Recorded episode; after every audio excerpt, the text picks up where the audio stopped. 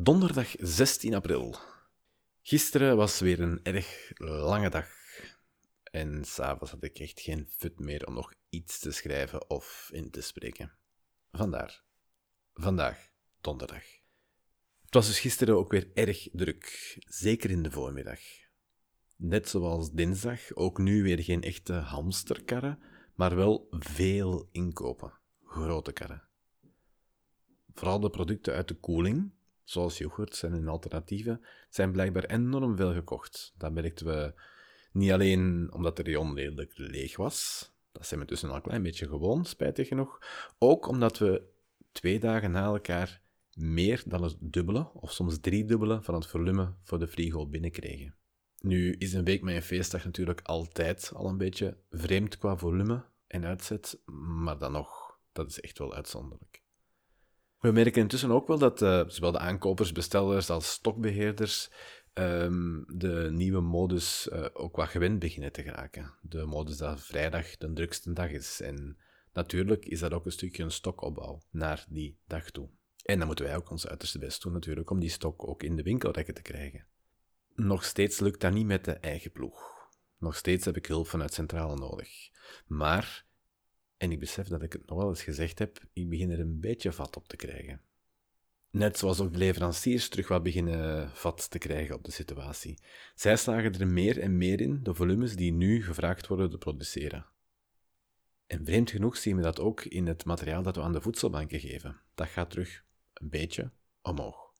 Ook de collect- en go-kanten hebben ons dus teruggevonden. Vanaf volgende week schakelen we over naar het volledige aantal klanten dat we voor de crisis ook konden verwerken. Alleen is het verschil allicht dat het volume een pak hoger zal liggen. Maar organisatorisch zijn we daarvoor klaar, denk ik. Het aantal winkelkarretjes is intussen nog meer beperkt. Dit heeft het beoogde effect in de winkel. Meer ruimte om uit te zetten bijvoorbeeld. En gemiddeld genomen permanent twee kassas open, minder pieken daar. Ja, we hebben nu bijna permanent een wachtrij.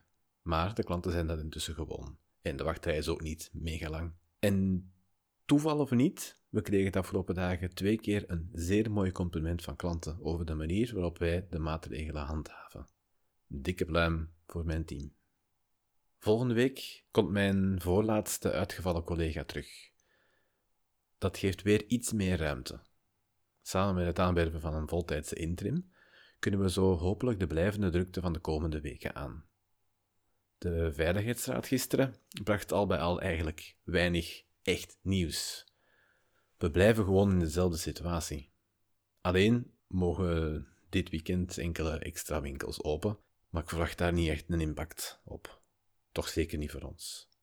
Wel voor die winkels, want die gaan een massale stormloop krijgen. Maar omdat dat zo vaak gezegd wordt, is misschien die massale stormloop dan nog redelijk, valt die nog redelijk mee en zal die pas maandag of dinsdag zijn.